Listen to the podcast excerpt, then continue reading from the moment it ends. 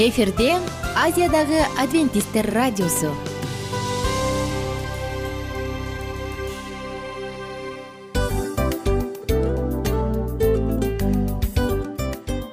Достор салют. Баардык сүйүктүү угармандарыбызга салам айтабыз. Кутман күнүңүздөр менен.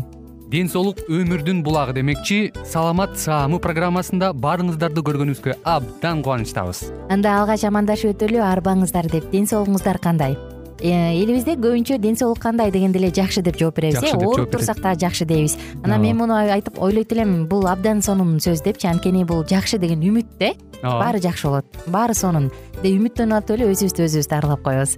Анысы кандай? Сиздин дагы ден соолугуңуз жакшы беш деген үмүттөбүз чындыгында ден соолук бул өмүрдүн булагы деп бекеринен айтылган эмес деп ойлойм. Кыргыз элинде анткени эгерде ден соолук жок болсо анда адамдын жашоосунда калган баардык керектүү маңыздуу нерселер өзүнүн баалуулугун жоготуп коет. Ошондуктан ден соолук бул эң керектүү нерсе. Ооба туура айтасың кесиптешим чынында ден соолугуң жок бир эки үч күн ооруп калсаң эле кандай болуп калат? Жашоодо көз каранды болуп каласың көп нерсеге жетишпей каласың көп нерсени кыла албай каласың жада калса эчке дүкөнгө да чыга албай каласың. Туптуура анан ден соолук болсо демек биз биздин бактыбыз тоодой деп койсок болот.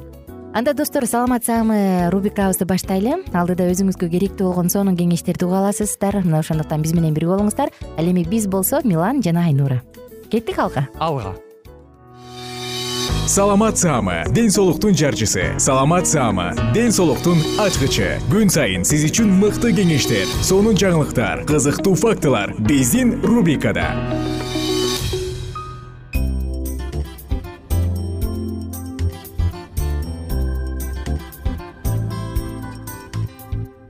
Салам достор кутман күнүңүздөр менен кадырлуу замандаштар. Жана жалпыңыздар менен амандашып саламдашып жагымдуу маанайда биз саатыбызды улантабыз бул уктуруубуз саламат саама рубрикасы? Жана сиздер менен бүгүн артрит жөнүндө сөз кылабыз. Колдорунда колдору манжалары кыйшыйып калган буттары кыйшыйып калган улам улам кырсылдатып айласы кетип эмне кылаарын билбей калган апаларыбызды аталарыбызды көрсөк керек. Агаларыбыз эжекелерибизди көрүп жүрөбүз. Бул муун оорулары артрит эгерде тема сизге жакын болсо анда биз менен бирге болуңуздар. Эмне болгон оору артрит муундардын сезгенүү оорусу. Оору бир эле муунда болсо анда бул моноартрит. Эгерде бир нече муун ооруса полиартрит деп айырмаланып келет. Артритке жугуштуу оорулар. Көбүнчө туберкулез сүзөк бруцеллез келте дизентерия ангина жана башкалар.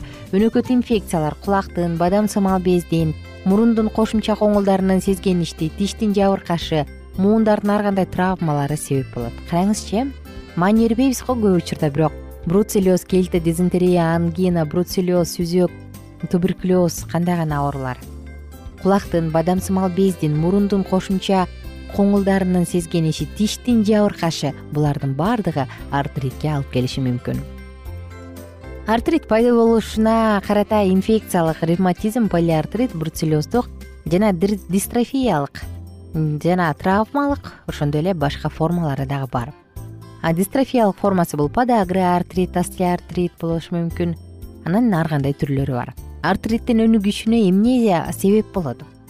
Артриттин өнүгүшүнө суук тийүү организмдин коргонуу функциясынын төмөндөшү өнөкөт уулануулар түрткү берет. Кандай белгиси бар? Муундар ооруп кызарат анда сезгенүү суюктугунун чогулушунан шишийт ооруган адамдын шайы кетип алсызданат эти ысыйт. Мына бул артриттин белгилери өз учурунда дарылаш үчүн врачка кайрылыш керек. Туура дарылануу оорунун толук айыгып кетишине жардам берет. Кээде оорулуу көпкө дарыланбай жана өз алдынча дарылануудан оору создугуп күчөп өнөкөт түрүнө өтөт. Мындан муундардын кыймылынын азайышы же кыймылсыз болуп калышы мүмкүн. Артритти дарылоодо дарылардан башка дагы массаж айыктыруу физкультурасы колдонулат. Айыктыруу физкультурасы менен массаж муундардын оорусу жоголуп лабораториялык анализдери нормага келгенде берилет. Артритти дарылоо максатында атайын көнүгүүлөрдүн комплекси иштелип чыккан. Көнүгүүлөр оорунун мүнөзүнө жараша берилип врачтын көзөмөлү менен жасалып турат. Ошондой эле артритти дарылоодо хирургиялык дарылоо кеңирээк колдонулат. Ооруну дарылоонун кийинки этабында анда санаторий курорт жана башкалар бар.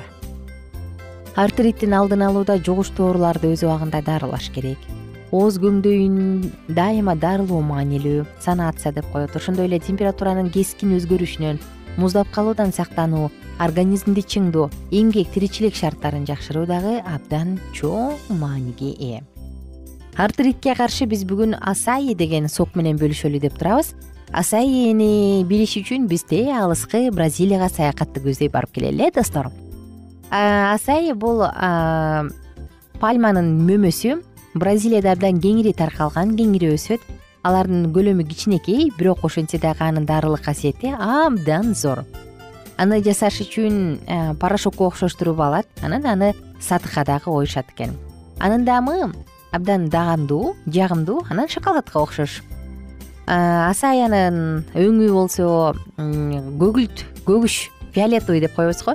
Көгүш түстө анан ал абдан күчтүү антиоксидант болуп саналат. Ал ошону менен бирге сезгенүүнү суук тийүүнү төмөндөтөт. Холестериндин деңгээлин жөнгө салат жана организмди ар кандай инфекциялардан коргой алат. Эгерде асаини табыш кыйын болуп турса аны черника же годжи жемиши мөмөсү менен же барбадос вишнясы менен алчасы менен алмаштырып койсо болот. Муну ацерола деп да коебуз э. Анда достор э, эмне кылыш керек? Болгону гана асаяны табыш керек дагы. Жеп ичип андан даамдуу бир сокторду жасап иче бериш керек. Болду оп оңой анын сезгенүүгө каршы касиети зор антиревматикалык антиоксидант холестериндин деңгээлин төмөндөтөт артерияларды коргойт иммуностимулятор жана ракка каршы мыкты каражат. Ушуну менен бирге эле биз сиздер менен куркуманын тундурмасын айта кетеличи куркума бизде азыркы күндө базарда абдан көп. Ашканаларда колдонуп келебиз ар кандай тамактарда. Тагыраак айтсам бул жеткиликтүү акыркы учурда куркума абдан кеңири таркалып кеңири изилденип жаткан учур. Анан организмде кандай гана сезгенүү суук тийүү болбосун артритпи бөйрөктүн ташыбы альцгеймер оорусу же рак оорусубу куркума баардык учурда жакшы таасир калтырып келет. Бангкок университетинде изилдөө жүргүзүшкөндө бул таиландда муундарда өзгөчө тизенин муундары сезгенген учурда дал ошол куркуманы жеп туруу абдан эффективдүү. Ибупрофен сыяктуу эле эффективдүү экенин айткан. Бирок ибупрофенге салыштырмалуу ашказанга анын терс таасири жок. Караңызчы мына ошондуктан биз сиздерге эмнени айтабыз? Куркуманы азия ашканасында колдонулуп кеңири таанылган деп айта кетпедимби? Баарыбыз билебиз кантип колдонуш керек? Бирок ошентсе дагы андан сок жасап туруп ичип койсоңуз болот тундурма эмне эмне керек? Сизге чай кашыктын төрттөн үч бөлүгү керек порошогу бир чашка суу жана бир аш кашык лимон ширеси. Эми муну бир стакан сууга кайнатып алыңыз дагы. Ага бир стакан сууну кайнатып алган соң ага куркуманын тамырынын майдаланган порошогун кошуңуз. Болду беш мүнөт тургузуп коюңуз дагы анан лимон ширесин кошуп иче бериңиз. Оп оңой жеткиликтүү арзан жана эң мыкты сезгенүүгө каршы каражат. Мындай тундурма сезгенүүгө каршы гана эмес антиревматикалык дагы касиети зор. Антиоксидант нейропротектор боорду жүрөктү коргойт. Ракка каршы касиети бар жана ошону менен бирге салмакты дагы азайтат. Достор мына сиздер менен бүгүн биз артрит жөнүндө сөз кылдык. Кааларыбыз оорубаңыздар. Эгерде биздин тема сизге кызыктуу болсо бул тууралуу кененирээк дагы саламат сайт сайтына кириңиз дагы биз менен кененирээк таанышыңыз жакындар. Коштошобуз кайрадан үн алышканча сак саламатта туруңуздар. Күнүңүздөр көңүлдүү маанайда. Улана берсин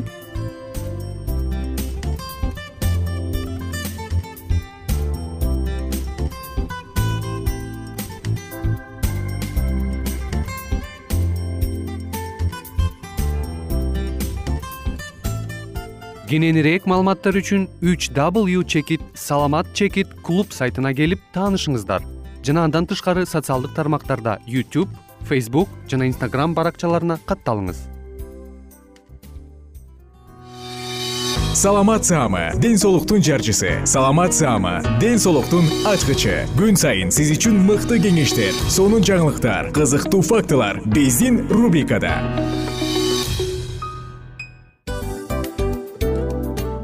салам достор. Кайрадан биздин сүйүктүү рубрикабызга кош келиңиздер деп айтмакчыбыз. Баардык замандаштарыбызга арбаңыздар деп саламыбызды айтабыз. Улуу ушундай бир урматтаган учурашуу менен анан дил маек радио баракчабызга чакырабыз. Негизи дил маек биздин рубрикабызда эмне жөнүндө кеп кылабыз? Бул дил маектин мааниси эмнеде рубрикабыз менен кичине тааныштырып кетсеңиз. Сөзсүз түрдө тааныштыра кетейин. Кесиптешим суранычы боюнча бул учурда бул радио баракчада биз ар тарап кесип ээлеринен сонун кеңештерди алабыз сүйлөшөбүз сырдашабыз. Аталарыбыздын эжелерибиздин апаларыбыздын кеңештерин угабыз айтор жан дүйнөгө адамдын э, сапатына адамдын деги эле адам болуп жашашына керектүү баардык кеңештер алдыда. Негизи э, дил маек дегенде баягы эки адамдын ортосундагы сырдашуу кенен сүйлөшүү. Негизи эле биз адамдар бири бирибиз менен бир жерге жай жерге отуруп алып өзүнчө тынч жашоо жөнүндө өмүрүбүздө эмне болуп атканын бөлүшкөнү жакшы көрөбүз э адамдар. Ооба туура айтасың анан мындай учурга кээде убакыт да жетпей келет э? Же болбосо сырыңды кайгыңды муңуңду кубанычыңды айткың келет адамга ишенбешиң мүмкүн. Ооба. Бул радио баракча угармандарыбыздын чыныгы досу. Анткени бизден алган кеңеш сиздин жашооңузга чоң жардам берет. Ал эми сиздин бизге айта турган сөзүңүз ортодо гана сыр бойдон калат. Ошондуктан биздин дил маек рубрикабызга дагы бир жолу кош келиңиздер. Жана биз даярдаган маалыматтарга даяр болуңуздар. Айнура жана милан сиздер менен бирге алдыга кеттик ар түрдүү ардактуу кесип ээлеринен алтын сөздөр жүрөк ачышкан сыр чачышкан сонун маек дил маек рубрикасында.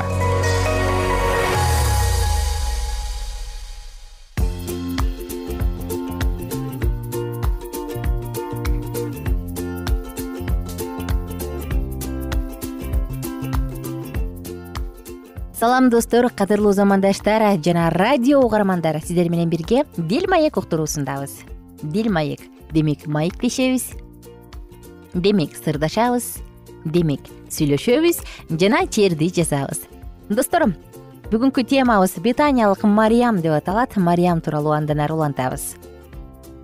Дил маек уктуруусунда бир аз эске салсам биз сиздер менен аял жубай жана эне деп аталган сонун циклды улантып жатабыз. Бул циклда тарыхта из калтырган аялдардын образы жөнүндө сөз кылып атабыз карап отуруп бул аялдар чын эле бар болгон. Чын эле жашаган чын эле тарыхта болгон. Мына бул аялдардын жашоосунан өзүбүзгө сабак алып бир сонун сабактарды үйрөнсөк болот. Эң башкысы достор менин айтайын дегеним адамдын жашоосу качан бүтөт? Баягы орус элинде айтып коет эмеспи акыры адамдын негизин чечет депчи адамдын жашоосун чечет деп анысы кандай адамдын жашоосу анын финиши менен аныкталат э? Аялдардын жашоосун карап отуруп биз сөз кылып аткан кудайдан корккон ушундай бир ыймандуу аялдардын жашоосу кандай бактылуу болгонун карап отуруп таң каласың. Бүгүн дагы бүгүн сиздер менен бирге бетаниялык мариям жөнүндө сөз кылабыз.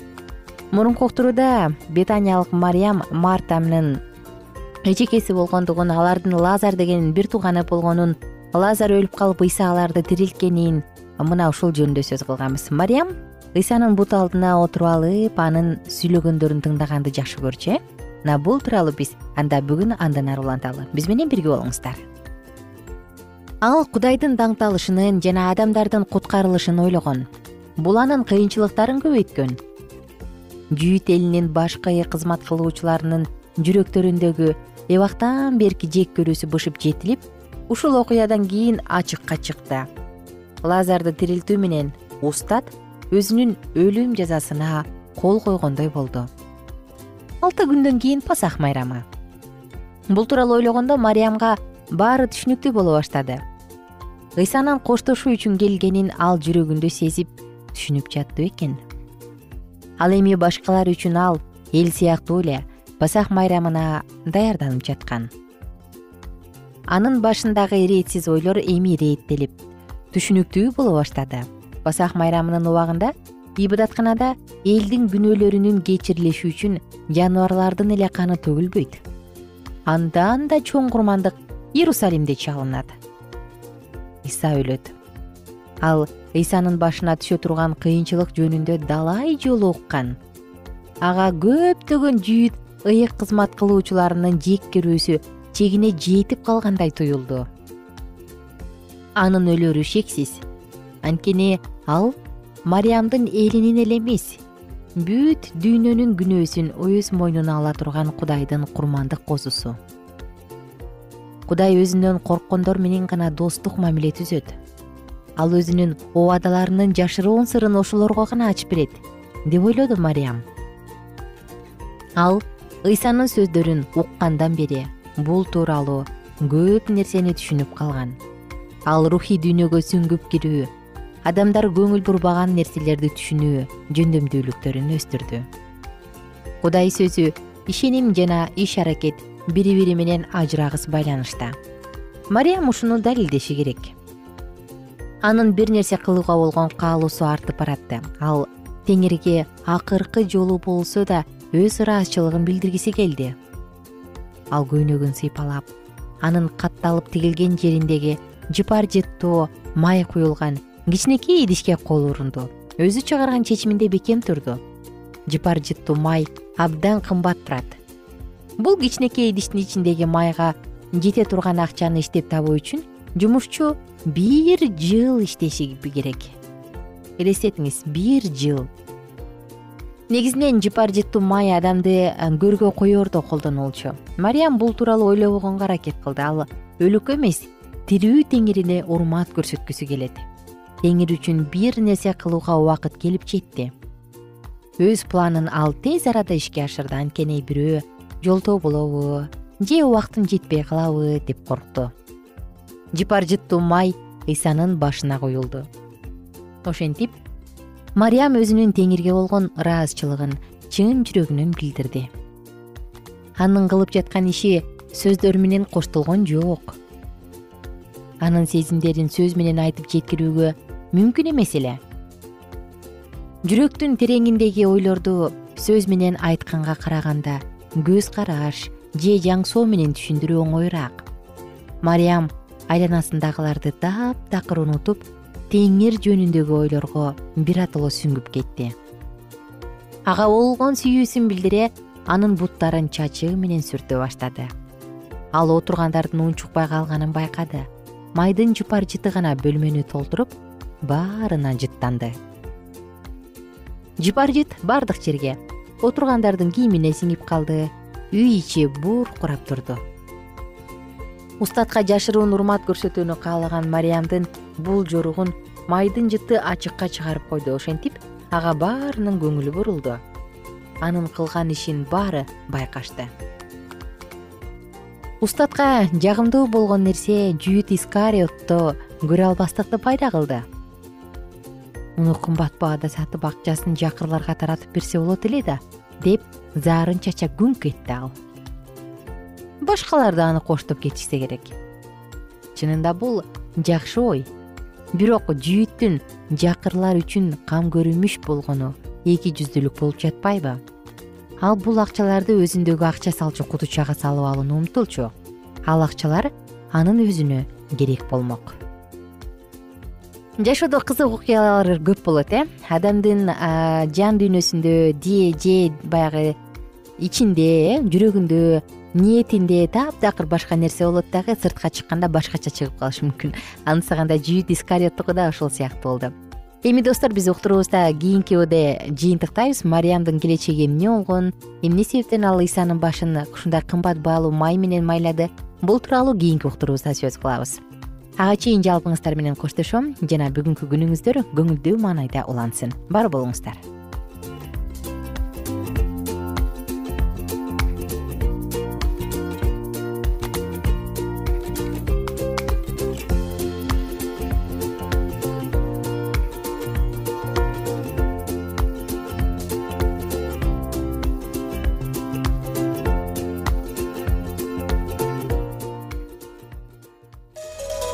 ар түрдүү ардактуу кесип ээлеринен. Алтын сөздөр жүрөк ачышкан сыр чачышкан сонун маек. Дил маек рубрикасында.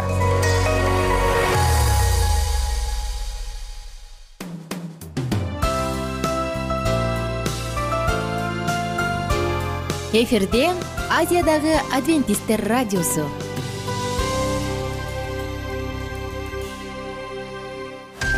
жан дүйнөңдү байыткан жүрөгүңдү азыктанткан жашооңо маңыз тартуулаган жан азык рубрикасы.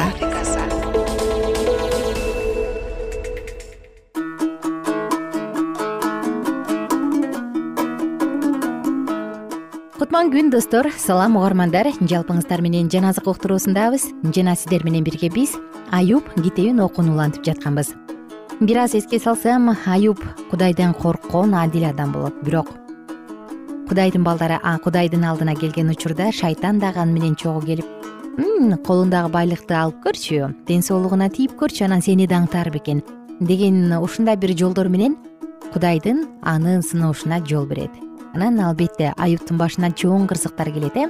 Ал ооруйт ал жакындарынан уул кызынан ажырайт болгон байлыгынан кулдарынан күңдөрүнөн ажырайт.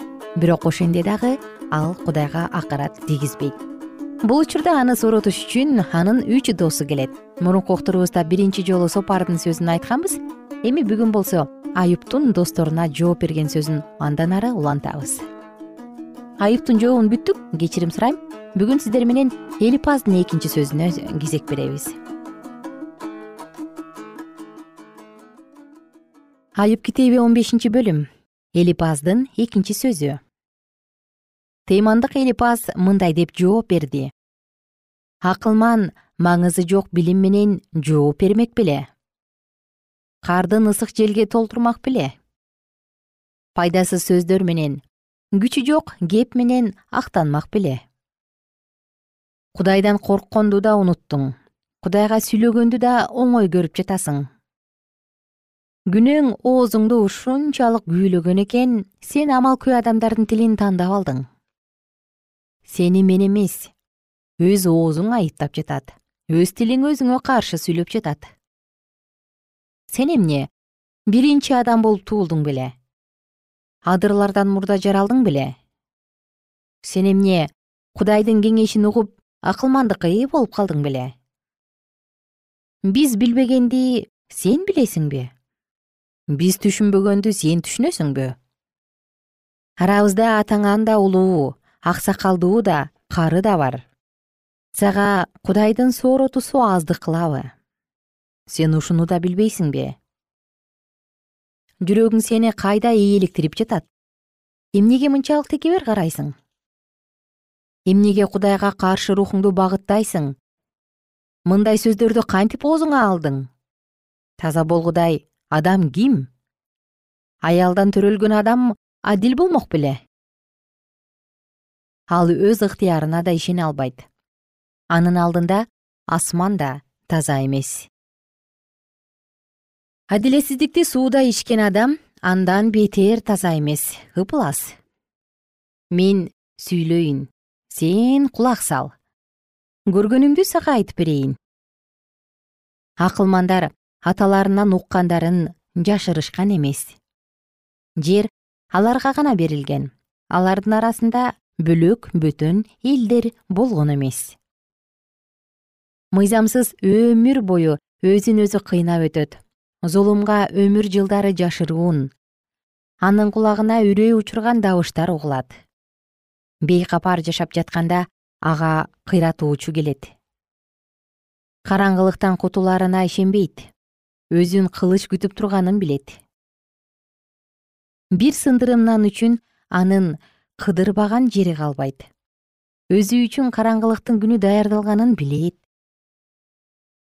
жокчулук менен кысымчылык анын жүрөгүнүн үшүн алып аны согушка камдаган падышадай басып алат. Анткени ал кудайга каршы кол сунуп кудуреттүү кудайга каршы чыкты. Калың калканын алып кекирейип ага каршы бет алды. Анткени анын бетин май басты сандары жуунойду ал бүлүнгөн шаарларды урап түпшөрүнө аз калган ээн үйлөрдү турак кылат. Ал бай болбойт. Анын мал мүлкү тура бербейт. Тапканы жер жүзүнө тарабайт. Караңгылыктан качып кутулбайт. Анын көчөттөрүн жалын жалмайт. Аны өзүнүн оозунун жели менен алып кетет. Адашкан адам курулай убаракерчиликке таянбай эле койсун. Анткени анын шыбагасы да курулай убаракерчилик болот. Ал мезгилсиз өлөт анын бутагы көгөрбөйт. Ал жүзүм сабагы сыяктуу бышпаган нөмөсүн силкип салат зайтун дарагы сыяктуу гүлүн күйүп салат. Кудайсыздардын үйү ушинтип кыйрайт паракордун үйүн өрт жалмайт анын боюна кыянаттык бүтүп жалгандык төрөдү курсагы алдамчылык даярдайт. Он алтынчы бөлүм. Аюптун төртүнчү жообу. Аюп мындай деп жооп берди. Мен мындайдын далайын уккам баарыңар эч нерсеге жарабаган сооротуучусуңар мааниси сөзүңөрдүн аягы болобу. Ушинтип жооп берүүңө эмне түрткү болду эгерде силер менин ордумда болсоңор мен да силердей эле сүйлөмөкмүн. Силерге каршы сөз жаадырып башымды чайкап турмакмын. Силерди сөзүм менен кубаттап оозумдун кыбыроосу менен сооротор элем. Айткан менен азабым азайбайт унчукпай койсом да андан арылбайм. Бирок азыр ал мени алсыратып бүттү. Сен менин бүт үй бүлөмдү кыйраттың мага каршы күбө катары бетиме бырыш түшүрдүң. Менин жабыркаганым өзүмө каршы чыгып мени тайманбай жемелеп жатат. Анын каары кыйнап мени менен касташып жатат. Мага тиштерин кычыратып жатат. Душманым менден тикирейген көзүн албайт. Мага азуусун арандай ачышты. Мени шылыңдап жаакка чапкылап жатышат. Баары мага каршы сүйлөшүп алышкан кудай мени мыйзамсыздардын колуна салып берди. Кара ниет адамдардын колуна ыргытты. Мен тынч жашап жаткам. Бирок ал мени силкилдетти. Желкемен кармап уруп өзүнө бута кылып койду.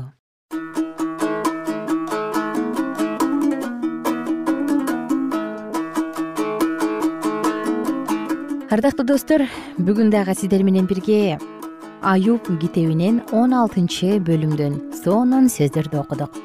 Сиздер менен убактылуу коштошобуз жана кийинки уктурууда аюптун андан аркы айткан жообун досторунун кебин дагы сөз кылабыз. Биз менен бирге болуңуздар.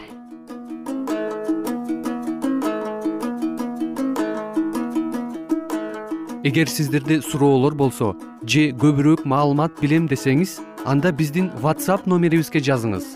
Плюс бир үч жүз бир жети жүз алтымыш алтымыш жетимиш. Кайрадан плюс бир үч жүз бир жети жүз алтымыш алтымыш жетимиш.